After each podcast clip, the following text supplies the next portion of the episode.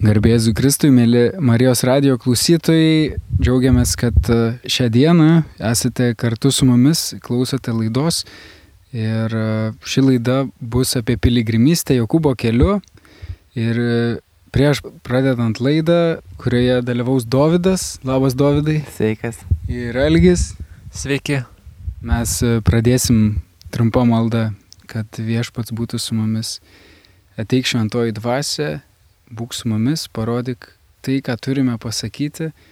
Palaimink kiekvieną klausytoją, kuris specialiai ar netyčia įsijungia Marijos radiją, tegul atranda tai, kas sustiprintų. Garbė Dievui, Tėvui ir Sūnui ir Šventai Dvasiai, kaip buvo pradžioje, dabar ir visada ir per amžius. Amen. Tai šiandien mūsų tema yra piligrimystė ir Studijoje yra Davidas ir Algymantas, kaip sakiau, ir jie pasirinko, mano manimu, tokia radikalė piligrimystė. Mes žinom, kad šiais laikais žmonės piligriminės kelionės keliauja įvairiausiais būdais ir dažnai tie būdai yra susiję su šio laikiniam transporto keliavimo priemonėm, ar tai būtų lėktuvai ar autobusai, bet štai Algymantas keliavo Jokūbo keliu į Ispaniją tranzuodamas, jei gerai pasakau, ar Taip, teisingai. Dovydas iš vis važiavo dviračiu ir labai įdomu, ar kažkas dar yra keliavę dviračiu į Ispaniją, į Jokūbo keliu. Kol kas negirdėjau nei vieno žmogaus, kuris būtų keliavęs iš Lietuvos į Ispaniją, bet aš manau, kad yra tų žmonių, bet galbūt aš jų nepažįstu. Tai šitos laidos ir tikslas mums pakalbėti apie tai, kokias išgyvenot patirtis, kokius patyrėt įdomius įvykius ir kaip, aišku, jūsų santykis su Dievu kito per tą kelionę. Ir galbūt dar norėčiau pradžiai, kad truputį papasakotumėte apie save, ką šiuo metu veikiat. Galbūt net papasakotumėte apie tikėjimo kelią. Iš tikrųjų, turim laiko, tai galim kiekvieną išklausyti. Tai aš esu Davidas Sabaliauskas įtikėjau prieš trejus maždaug metus, atsiverčiau, įtikėjau Kristus paliepime Vilniuje bažnyčioje, gavau dvasios krikštą ir iš tiesų tas kelias buvo pažinimo kelias, toks kelias, per kurį, na, pradėjau pažinti Dievą imtimiau, susipažinti su jo valia mano gyvenimui, su jo vedimu. Iš tiesų praėjau tokią kaip ir formaciją, galima sakyti, per tuos trejus metus nes iš tiesų daug patyriau ir turėjau daug priklausomybių, turėjau ryšių su visokom paleistuvybėm, pilvapenybėm. Nu, žodžiu, buvau labai netidirbtas žmogus. Tačiau kai Kristus pradėjo keisti mano širdį, kai savo krauju mane apvalė ir, ir toliau valo, aš jaučiu didelę malonę šiam gyvenime, didelę laimę, kai esu su juo, kai esu su bendratikiais kai žengiu link jo kryžiaus kasdien ir vis skaitau naują raštą, taip pat naujinu savo protą. O pati kelionė tai buvo praeitais metais ir aš keliavau maždaug pusę metų dviračiu iki Ispanijos. Ir buvo visko iš tiesų. tai jeigu yra kokių klausimų, tai galiu detaliau papasakot, bet viskas nuo rytų atsibudimo pažvaigždėtų dangum, nakvynės po žvaigždėtų dangum ir tada iš ryto atsipusdavau ir išvysdavau triušiukus šalia šaliuojant. Atsimenu, su šernais turėjau ne vieną įvykį, kai jie aplankė mano palapinę ir būdavo mano maistą visą suvalgo. Vieną kartą net buvo man prieėjęs vienas šernas labai arti ir su iltimis kapstėsi po mano palapinę ir ir vienu metu netgi įbedė savo iltis man į nugarą ir aš atsimenu, tik tada pasidaviau Dievui maldai, sakau, Dieve gelbėk, nes aš nežinau, kas čia bus.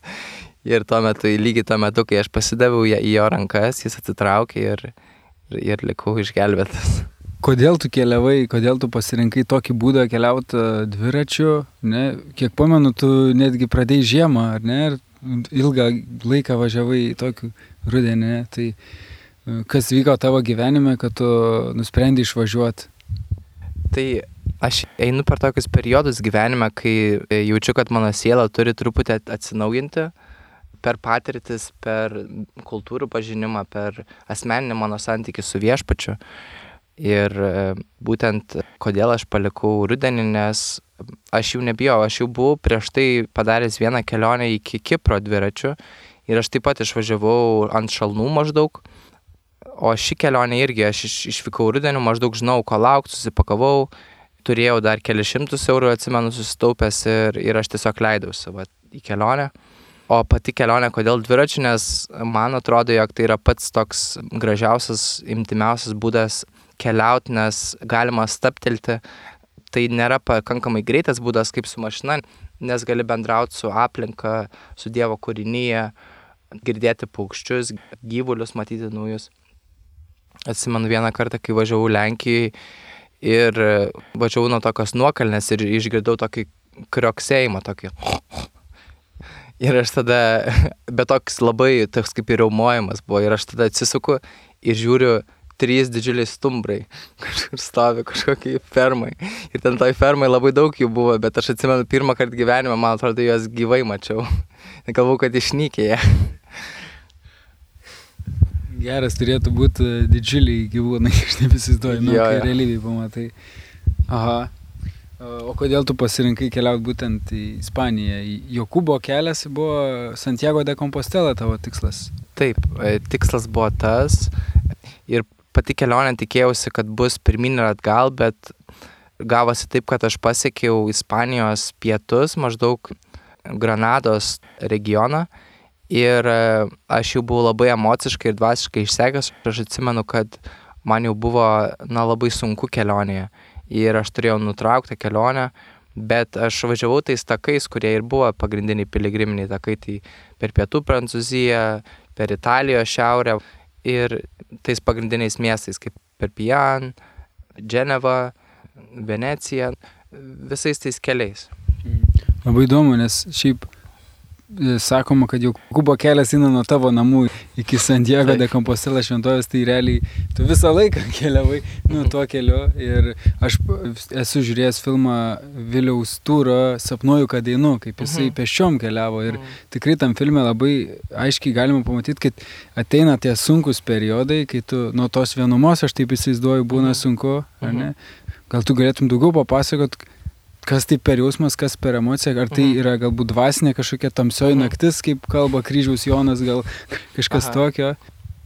Tai, kaip aš sakau, tos dykumos, per kurias izraelitai turėjo eiti ir aš atsimenu, aš pats patyriau didelę vienatvę, bet aš savo anksti jau žinodamas maždaug ko reikės laukti, aš pasidariau tokį kaip tvarkaraštį, jog aš skambinsiu kiekvieną dieną arba kas antrą dieną kažkuriam artimam žmogui Lietuvoje, kad turėčiau tą santyki kuris man neleistų pasijust tokia, kad ta vienatvė manęs nesumaustų per daug. Ir būdamas kelionėje, aš taip pat stengiausi bendrauti daugiau su, su aplinkiniais žmonėmis, ten, kur nakvodavau, stengiausi su jais pabendrauti. Ir jo, atsimenu net iki dabar, kai nes aš pirmąją kelionės dalį važiavau be palapinės, tai aš ieškodavau kažkokių parapijų, kažkokių vienuolynų, kur galėčiau apsistoti nakčiai arba dviem, arba ten keliom. Ir, ir aš atsimenu, tas naktis buvo labai ypatingos, nes kiekvienas vienuolynas turi savo kažkokį paveldą, ar ten architektūrinės, ar ten paveikslai, ten žmonės, kokius sutinku, jie ar jie svetingi, ar jie tokie nelabai svetingi, priima atrodo, kad reikia, bet visur visokių žmonių buvo. Tai labai nuoširdžiai dėkingas esu tom patirtim. Man dar vienas toks irgi klausimas, kirba, ne finansai.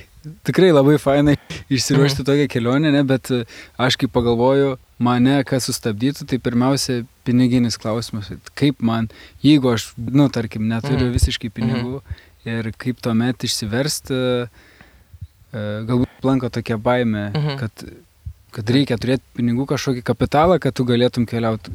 Iš kur atsirado pas tave galbūt, ar kažkoks pasitikėjimas Dievu toks didžiulis, kad tu taip pasiryžai, ar, ar galbūt tavo, nežinau. Aha. Taip tai vyko pasitikėjimas Dievu galbūt buvo tas esminis faktorius, kad e, išleist mane į kelionę, kad aš ryščiausi tą kelionį. O aš pats šiaip dirbau pardavimuose tuo pačiu metu prieš iškeliaudamas ir aš savo viską susisponsorinau, nes aš kaip tik kūriau video klipus Delfi kanalui ir aš padariau tris video, nors po to jie, jo nepasirašė kurti, tačiau aš gavau palaikymą ir dviratį gavau, ir gavau turistinę visą įrangą iš sponsorių mano, kurie mane sponsorino. Ten nu, Promaxą dar droną davė su GoPro kamerytė. Na, buvau iš tiesų aprūpintas, o dažnai aš dar kažkiek mėgstu palikti Dievo valiai ir kaip e, vat, kelionėje tie iššūkiai jie ateina, tai jie ateina pasidavimu į jo valią, į Dievo valią ir tu kelionėje kartais supranti, jo kažko reikia arba kažko nereikia ir tada žiūri, kaip gyvenasi be to. Pavyzdžiui, pirmą mėnesį važiavau be palapinės ir palapinę tik, tik Berlyne įsigijau. Tai buvo išbandymas, bet toks, kuris man kaip tik davė kažko. Nebuvo taip, kad aš patiriu vien kančią dėl to. Jo. Aišku, ačiū Dovydai, gal šito vietoje truputį sustosim, nes pas mus yra ir Elgis atvykęs. Kauniečiam noriu pasakyti, kad jeigu vaikščiat kada kleboniškio miške ir džiaugiatės nušienautom, nupjautais krūmais šalia kelio ir uh, tai būna pastebėt, kad maloniau vaikščiat kleboniškio miške, tai Algymantas būtent ir dirba, jeigu neklystu, gyrininkijoje Karmėlavos ir gal gali daugiau papasakoti apie tai, ką veikia ir apie kelionę. Tai sveiki, mano darbas iš tiesų esu bandęs įvairių veiklų ir pasirinkau šitą darbą dėl to, kad yra gamtoje, yra virš galvos nėra fabriko stogas, bet be dangus gali gražėtis gamta, dangum, paukščiais, kurie dabar jau vis labiau čiulba. Jeigu trumpai apie tą Jokūbo kelią, kurį aš jau ir savo tikėjimo pradžią, tai tai yra kažkaip labai susijęs su šventaja kudikėlio Jėzaus Terese, kai jos relikvijos buvo atvežtos į Lietuvą, jeigu gerai prisimenu, 2007 metais ir nuo to karto, nuo susitikimo su šia šventaja, kuri ir dabar mane lydė, kažkaip užsidegė širdis ir pradėjau keliauti. Iš pradžių keliaudavau su piligrimų centriuku, paskui nemažai tranzuodavau, įkvėpimo gavau iš Tiberiados bendruomenės. Tai gal tiek. Ir tu irgi tranzavai pusiau tranzavai pusiau skridai, ar ne, kiek pamenu, į Ispaniją. Gal galėtum papasakoti ir keletą perliukų irgi iš tos kelionės, būtų įdomu. Tai iš tiesų kelionė prasidėjo labai linksmai mano draugo vestuvėmis ir aš irgi tranzavau, truputį turėjau pasiemęs pinigų ekstrakt atvejams, bet e, irgi keliavau su palapinė. Aš iš tiesų turėjau nusipirkęs biletą iš Varšuvos į Madridą tai aš tranzavau iki Varšuvos ir paskui iš Madrido tranzavau iki tokio miestuko Trie Kastelos ir tada jau keliavau pėščias. Tai būdavo visokio nuotikių ir tikrai būdavo iššūkis susirasti nakvynę. Aš atsimenu, tiesiog prašydavau Angelą Sargą, kad padėtų man nes būdavo aš atvykdavau naktį į miestą ir man reikėdavo susirasti nakvynę, tada aš prašydavau, kad Angelė Sargė parodyk man saugią vietą, kur aš galiu kažkur mieste ar parke pasistatyti palapinę ir praleisti naktį. Puikiai žinomas jausmas. ir paskui aš iš tiesų dar po šitos kelionės atvykęs jau į Santiago miestą, aš tęsiau savo kelionę dar toliau į Fatimą, tai paskutiniam biletui į Fatimą išleidau visus pinigus, nes buvo labai sunku ištranzuoti į, į Fatimą, bet galvoju, turiu pasiekti šitą tikslą. Ir būdavo įvairiausių susitikimų. Pavyzdžiui, Portugalijoje viena mieste aš einu ir kažkoks žmogus groja su dudelė ar kažką pasakė angliškai bet aš supratau, kad jo akcentas kažkoks truputį keistas. Ir pasikalbėjau su to žmogum, pasirodo, tai yra Jonas iš Lietuvos ir e, jisai planavo grįžti rudenį padėti savo tėčiui skinto bolių į Lietuvą. Tai įvairiausių susitikimų teko patirti. Mhm. Ačiū. O kodėl tu keliavai, koks buvo mm, tavo tikslas Fatima, ar ne? Bet ar tu turėjai kažkokį dar vidinę intenciją, dėl ko tu keliavai ir kiek svarbu yra piligrimystė į tą kažkokią intenciją, idėją, panašiai. Čia iš tiesų visa istorija, kodėl aš keliavau.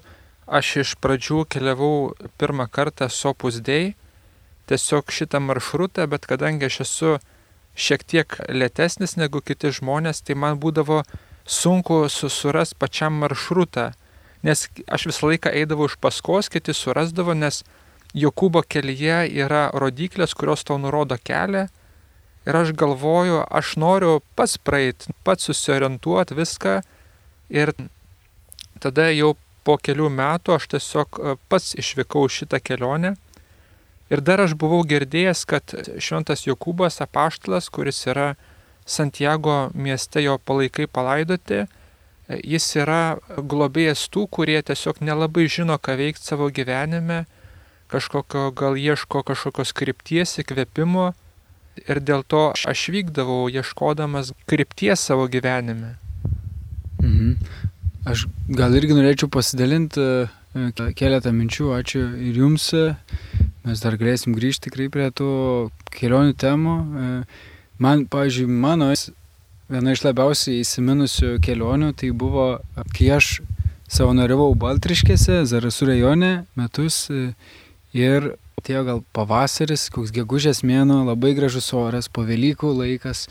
Aš tuos, tuos metus skyriau kažkaip save pažinti ir atrasti savo pašaukimą. Ir man buvo toks gana liūdnas laikas, nes nieks nepaaiškėjo. Ir toks buvau pervargęs, nes, na, gana ten buvo intensyvų savaitgalį būdavo, turėdavom priimti jaunimą, jos, jiems, nu, patarnauti. Ir, ir vieną sekmadienį aš sakau broliam, kad, nu, aš noriu iškeliauti Šilovą, ne, mergelės Marijos šventovę ir noriu truputį kažkaip atsitraukti galbūt. Ir aš tranzavau ir buvo gana sudėtinga tranzuoti, aš pasirinkau patį tiesiausią maršrutą, bet kuris nebuvo galbūt mašinų srautų didžiausias srautas, bet buvo įspūdinga, kad mano aš galų gale vakare, toks gražus oras, saulėtas vakaras, e, nukeliavau iki Tytuvę, nu ir liko 8 km. Ir aš einu keliu, toks gana nunarinęs galvą, galbūt melžiuos ir žiūriu, važiuoja mašina panaši mano tėčia. Na, bet aš negaliu patikėti, kad tai galėtų būti mano tėtis ir mama ir, ir pažiūriu, mano tėtis ir mama pasirodo važiuoja namo iš kaimo ir, ir, ir jie sustojo ir nu, kas man buvo stipru, kad uh, pajusti iš tėvų tą prieimimą, jie, jie matė, kad aš uh, nu, tikrai ieškau dar savęs ir jie mane pavežė iki Šiluvos ir, ir įdavė maisto, bet Bet kas labai buvo gražu tas prieimimas, kad jie kažkaip nekritikavo, ką tu čia darai ir ne, kas čia per nesąmonė, ko aš galbūt, nežinau, ko, ko galbūt galvoju, nu gal pats galvoju, kad taip tėvai turėtų kažkaip reaguoti. Bet ilgai laukti susitikimą su tėvais. Taip, taip, tikrai, nes per tuos metus mes gal gyvai buvom stikę, nu gal per devynis mėnesius, gal kokius tris kartus, ne, tai buvo tokia dovana ir, ir man toks buvo gal Dievo artumo parodimas. Dar irgi norėčiau pasakyti, kad mes su Algiu kiekvieną žiemą ir dar keliais draugais keliam tokius žiemos žygius. Tai yra, nu aš sakyčiau, irgi tos e, evangelinio radikalumo gal siekimas. E, pradėjom studentavimo metais, tai keliaudom be maisto, be pinigų ir nežinodami, kur nakvosim, neturėdami savo maisto, jo turėdami rūbus, kuprines ir mėgmaišius, bet Pirmasis žygis buvo iš kryžių kalno į Vilnių, tai keliavom septynias dienas iš tikro ir, ir tikrai buvo pradžiai baimės, ne, ar mes nesušalsim, ar, ar kažkas priims. Jau, jau pačioj pradžiai mums buvo tokia situacija, kad išeinam iš kryžių kalno, pasukam, ten vienu keliuku per laukus ir vienoje vietoje Nu, nebežinau, ar į kairę sukti, ar į dešinę, tais laikais dar net navigacijos nebuvo, čia prieš kokius septynis metus gal. Tai, tai žiūriu žemėlapį ir vienas iš draugų pasižiūri į Algį ir jam mėlyna nosis. Tiesiog buvo žiūri labai šalta. Nu, tikrai žiemą ne visada būna geras oras kaip dabar, ypač dar, nu, kai anksčiau keliavom, bet, bet kas įspūdinga, kad visą tą savaitę tikrai jautėm Dievo palaimą. Kiekvienam žingsnį ir net jeigu buvo sunku, ne, tiek grupėje keliauti, tu turi suderinti su kitais. Vieną dieną mes svarstėm, ar keliauti toliau, ar galbūt skirti polsiai. Ir reikėjo palikti tokio atvirumo Dievui, atvirumo komandos nariam ir po to atėjo tas sprendimas, kad mes kitą dieną keliaujam, bet keliaujam mažiau. Tai toks buvo stiprus, esam keliavę ir nuo Mariampolės iki Šedoris, iš Šiluvos į Žemaičių kalvariją, iš kur dar mes keliavom. Šiais metais keliavom parminėti Lietuvos kronikos metams iš Kibartų į Simną, nes ten buvo rašoma Lietuvos katalikų bažnyčios kronika.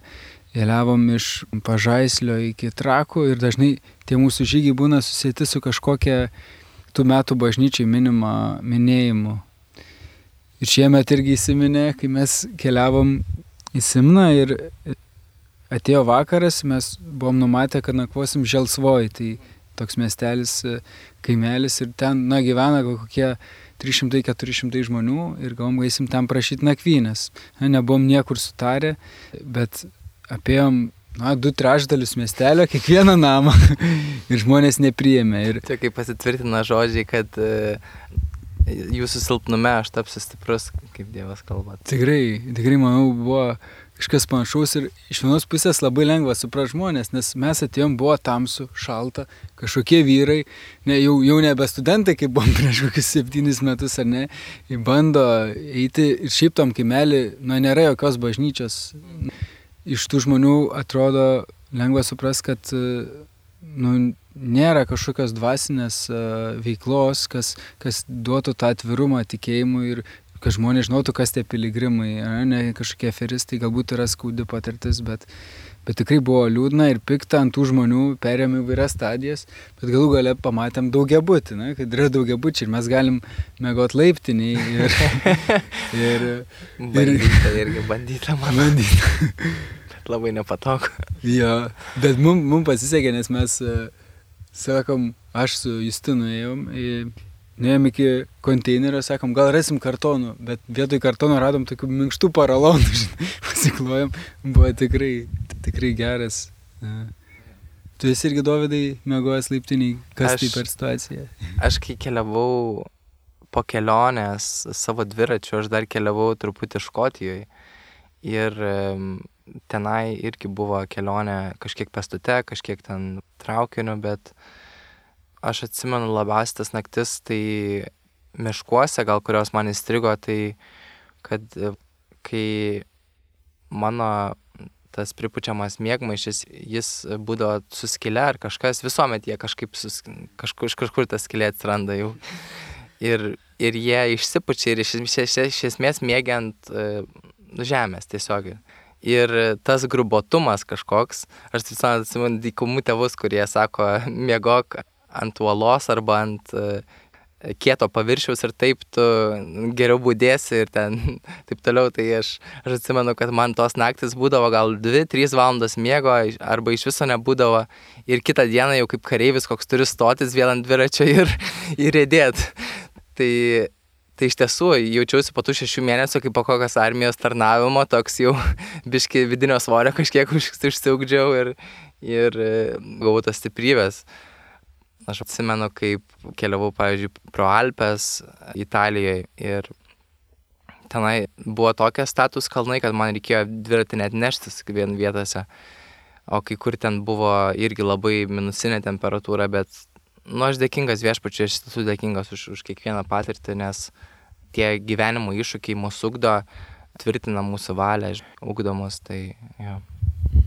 Dar man irgi įdomi jūsų mintis, jeigu žinot, Aurimas Valujevičius, ne, jeigu neklystu, keliauja šiuo metu plaukia per Atlantą ir daug žmonių, kai sužinojo apie jį, apie jo tokią mintį, ne, sakė, susiras darbą ar ne, arba kas čia per nesąmonę, daryk kažką rimto, ne, tai e, arba galvoja, kad jis tiesiog žlugdo savo gyvenimą. Tai visą gyvenimą tai kalbėjo. Kas? nu, nes jis iš pradžių galvoja, kad bus, kiek žinau, architektas, ar, ten, ar jis ten užsims kovų menais bet e, jis sako, aš tapsiu keliautoju ir jis suprato tai gan anksti ir jis e, jau padarė tas, kiek ten aštuonios berots tos pasaulinio lygio kelionės. Vat.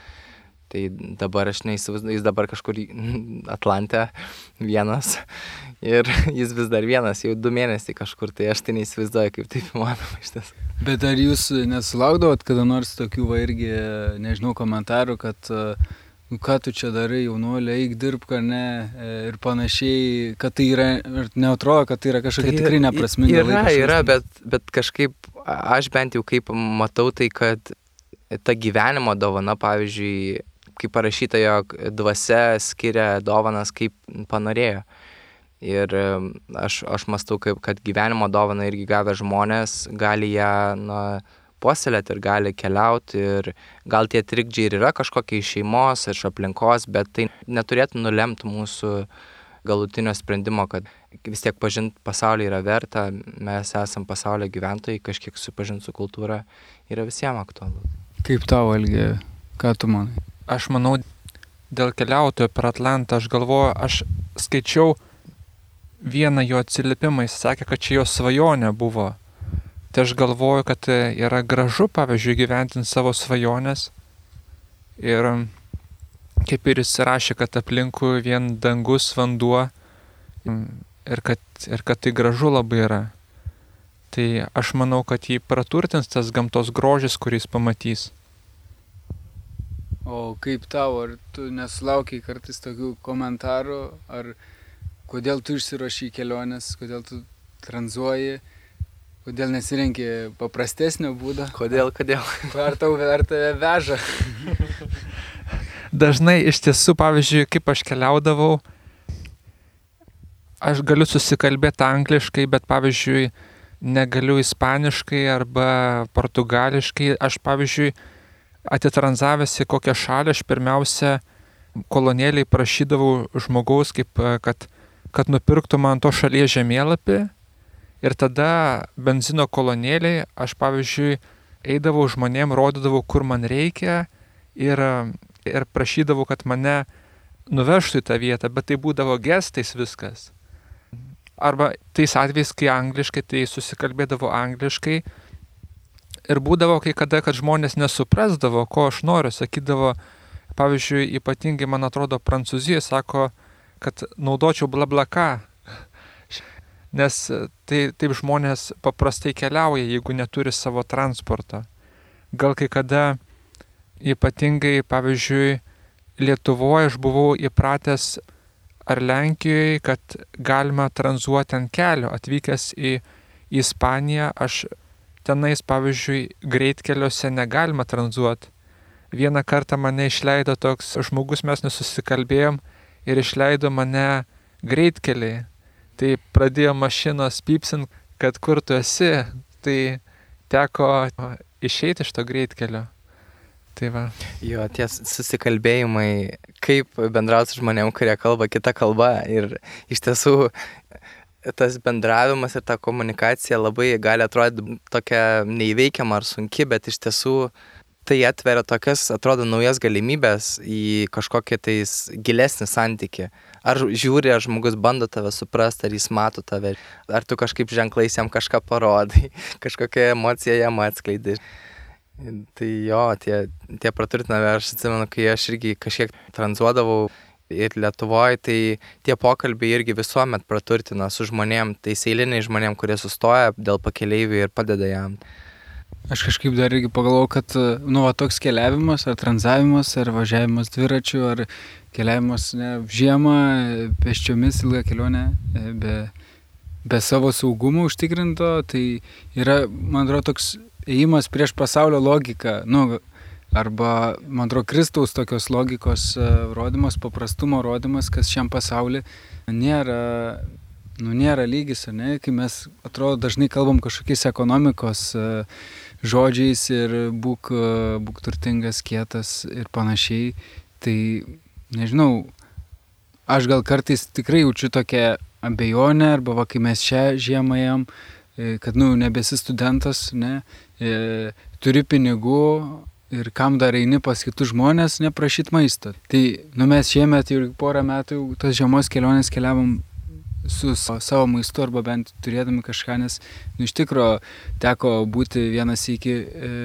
ėjome, va tada patį pirmą kartą, kai ėjome tą žygį į Vilnių iš kryžių kalno, tai užsukom į vieną trobą, kur buvo aslinės grindis, nesla grįstos grindis, moteris, kuri nieko neturėjo, bet jinai buvo tokia laiminga, kad mes užsukom, jinai ištraukė arbatos pakelį, pagam, padarė mums arbatos ir didžiavos lyg būtų, nežinau, skaniausia torta iškepus. Ir, ir labai buvo gražu, nes mes gavom iš kitų žmonių, man atrodo, šiek tiek pinigų ir jai, jai palikom tos pinigus, bet buvo skaudu išgirsti ir jos istoriją, ne, kad sunus dirba miške, bet dirba už alkoholį, vadinasi, yra...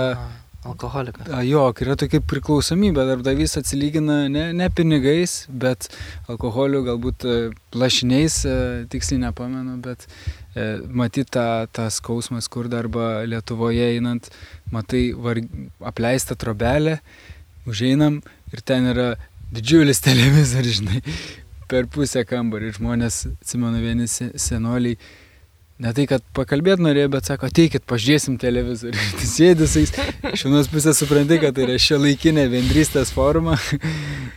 Niekas nebedainuoja, bet, nu, tokia, tokia realybė ir e, gyvendamas mieste turbūt to netrasi. Jo, jo iš tiesų, kaip, kaip pasikliauto gyvojų dievų, man atrodo, čia didžiausia yra kaip ir, kaip ir mistika ir, Ir mes vat, girdėdamo apie knygnešius senais laikais ir apie net ir dabar žmonės, kurie eina, tai aš manau, kad tie iššūkiai, juos įveikia žmogus, supranta, jog Dievas yra virš materijos, jis yra virš laiko, jis geba mums sukurti situacijas, atvesti tuos žmonės į gyvenimą, kurių mums reikia tuo metu. Svarbu laukti jo maldoje, būti ištikimiems, kantriai jo laukti, man atrodo. Algi dar norėjau tave kreiptis, tu kiekvieną dieną atlieki tokią kaip piligrimystę, man taip atrodo, nes tu dalinais, kad uh, kiekvieną dieną nueini į adoraciją. Gal galėtum trumpai papasakot, uh, kas tai per malda ir kodėl tu kiekvieną dieną tai darai. Tai mano piligrimystė, kad būtų greitesnė, tai su dviračiu irgi kaip man atvykimas į adoraciją būna tiesiog nežinau, kaip pabuvimas draugo akivaizdoj ir kažkaip toks nutilimas, nurimimas ir, ir laukimas, pavyzdžiui, ar, ar prakalbės Dievas iš širdį, tai nereiškia, kad kiekvieną kartą prakalba, bet tas prakalbėjimas gal būna paprastas. Aš dabar, pavyzdžiui, skaitau knygą iki savo kambarėlį ar, ar e, švento rašto pasiemu kokią eilutę paskaityti, aš galvoju, kad žmogus adoracijoje šiek tiek yra į žvėją panašus. Ir kai pavyzdžiui eini į žvejybą, tai niekad nežinai, ar kažką pagausi ar nepagausi. Bet ateini į adoraciją ir tu tarsi būni tyliai, ramiai ir lauki. Ir lauki ir gal bus momentas, kad, kad Dievas prakalbės į širdį. Būna, pavyzdžiui, vakar buvau taip pavargęs po darbo viską, kad, kad tiesiog nusiprantu, kad iš tos maldos nelabai kas bus, nes galva neveikia. bet, bet tiesiog vis tiek ateini adoraciją pabūt, kad, nu, dėl to santykio aš galvoju, kad nes vis tiek tas laikas praleistas kartu ir kūrė tą santykį. Kaip tau, Dovydai, gyvenimo piligrimystė šiuo metu niekur nekeliauja, ar, ar sunku išlaikyti tikėjimą kasdienybėje? Na, man iš tiesų pasisekė, nes aš grįžęs po kelionės radau bendruomenę veiklių žmonių bendryje tokią, kurioje mes renkiame banketų, šloviname gyvą į viešpatį, kalbame atgailos maldą, melžiamės už žmonės. Tai man padėjo irgi praturtino gyvenimą. Dabar esu etape, kas liečia mano karjerą, tai dirbsiu apsaugoj, laukiu, kol dokumentai mano susitvarkys bet iš tiesų lankau dar Kauno krikščionių bažnyčią, kuri irgi vyksta šlovinimai, pamokslai, giesmės. Ir iš tiesų esu labai pripildytas. Kažkaip man Dievas dovanoja labai daug pastaruoju metu. Tai aš jam esu labai dėkingas už tai, kad formuoja mane. Pradėjau ves dabar tokias e, Facebook'o seminarus apie šventosios dvasios veikimą du kart per savaitę, tai kartai žmonės prisijungia, tai mes e, pasimeldžiam, pakalbam apie dvasinės temas, kas liečia, nes aš labai daug matau žmonių pastaruoju metu ir apskritai, kurie gatvėje ar šiaip praeinančių, kurie aš matau akise kenčia ir patiria didelį skausmą ir aš, man kažkaip duota yra suvokti, kad jie patiria tą skausmą dėl Dievo nebuvimo jų gyvenime ir tos šventosios dvasios e, nebuvimo ir, ir taip kažkaip man norisi, va, už visus melstis. Aš kartais nepasiryštų, bet, bet būna, kad, kad melžiuosi irgi. Tai iš tiesų, kai atpažįstu ir pranciškonus gerai, va, pranciškonų bendruomenės, kunigas Asnauską, kuniga Astijų, bendravom ir vasaros piligrimystėje labai mane palaikė, buvo mano dvasios palėdėtojai, tai buvo labai daug irgi patirties gavau iš to. Tai kažkaip va Dievas atvedė ir dabar jau tvirčiau stovi. Mhm. Galbūt mūsų laidai keliauja link pabaigos, galbūt yra dar kažkas, ko nepasakėt arba norėtumėt vienas kito paklausti. Gal maldą sukalbėti? Jo, galėsi, Dovydai, tikrai pravesti. Tai, Algi, galbūt dar kažką nori pridėti? Ar palinkėti? Aš galvoju tiesiog palinkėti, kad pasitikėt Dievu. Nes ir kaip pavyzdžiui dažnai va tie žygiai, kur ar mes su Jonu ėjom, ar, ar aš manau ir Dovydas tikriausiai buvo tas pasitikėjimo aspektas, kad tu eini, gal ne visada žinai kaip, bet, bet tiesiog būti tame pasitikėjimo santykėje su Dievu, kad jis nustebintų. Jo, aš dar irgi prieš Dovydą užbaigiant maldą norėčiau irgi pasakyti, kad man e, keliavimas ar tranzavimas ar, e, ar keliavimas peščiomis e, yra galimybė taip pat pabendrauti, taip pat stikti žmonės jų kasdienybėje, prigauti iš tikrųjų juos. Nu, ta prasme, tu nesusitari su žmogum, su klebonu, kad mes čia tokie ateisim. Ir tada tu, buvo labai gražu, mes čia žiemą Liudvinavę ėjom pro bažnyčią Ir šiaip, kai einam, žmonės žiūri labai tariai, ne, taip truputį susigūšta. Ir klebonas jisai tuo metu ant e, durų suko skelbimo lentą.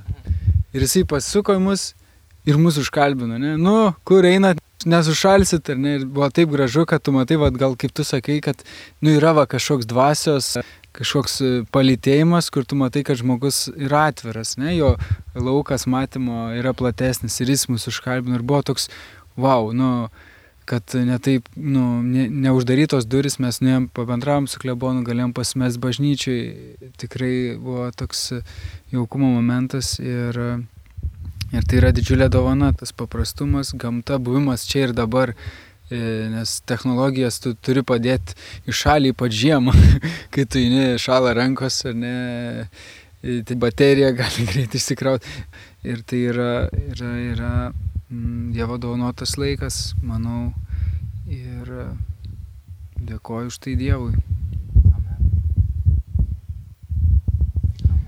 Jo, ačiū, mėly klausytojai. Čia laidoje buvo Algimantas Kalinauskas, Jonas Tamulis ir Davidas Sabaliauskas. Užbaigsim maldą.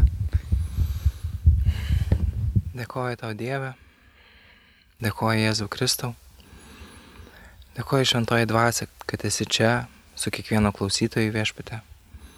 Aš meldžiu ateik į kiekvieno širdį viešpate ir pripildyk mus savo neapsakomą meilę, savo neapsakomą ištikimybę, savo šventumo Dievę. Pripildyk kiekvieną mūsų širdį ir atnaujink mus gyvai vilčiai Dievę. Aš dėkoju tau Dievę, kad tu laimini kiekvieną, kad tu stiprini mūsų gdai viešpate, vedi per gyvenimo sunkumus ir išbandymus. Dieve, meldžiu, siūsk mums teisingus santykius, teisingas situacijas gyvenime viešpatė, kuriuose mes turėtume būti, kad galėtume geriau viešpatė ir aiškiau suprasti tavo valią, kas ta tavo valia yra viešpatė. Leis mums pažinti tave giliau, leisis tas pažinimo kelionės, leisk vis labiau tave atrasti, vis giliau pažinti tave. Aš meldžiu viešpatį už visą Lietuvą, už visus klausytojus Viešpatė praturtink mūsų širdis, leisk aukti tavimi, leisk rast motivacijos skaityti raštą kiekvieną dieną ir gilintis į tavo žodį. Praturtink mus Dieve. Aš dėkoju tau Dieve už Marijos radiją, kad tu laimini juos Dieve, kad tu tvirtini juos Dieve tavyje.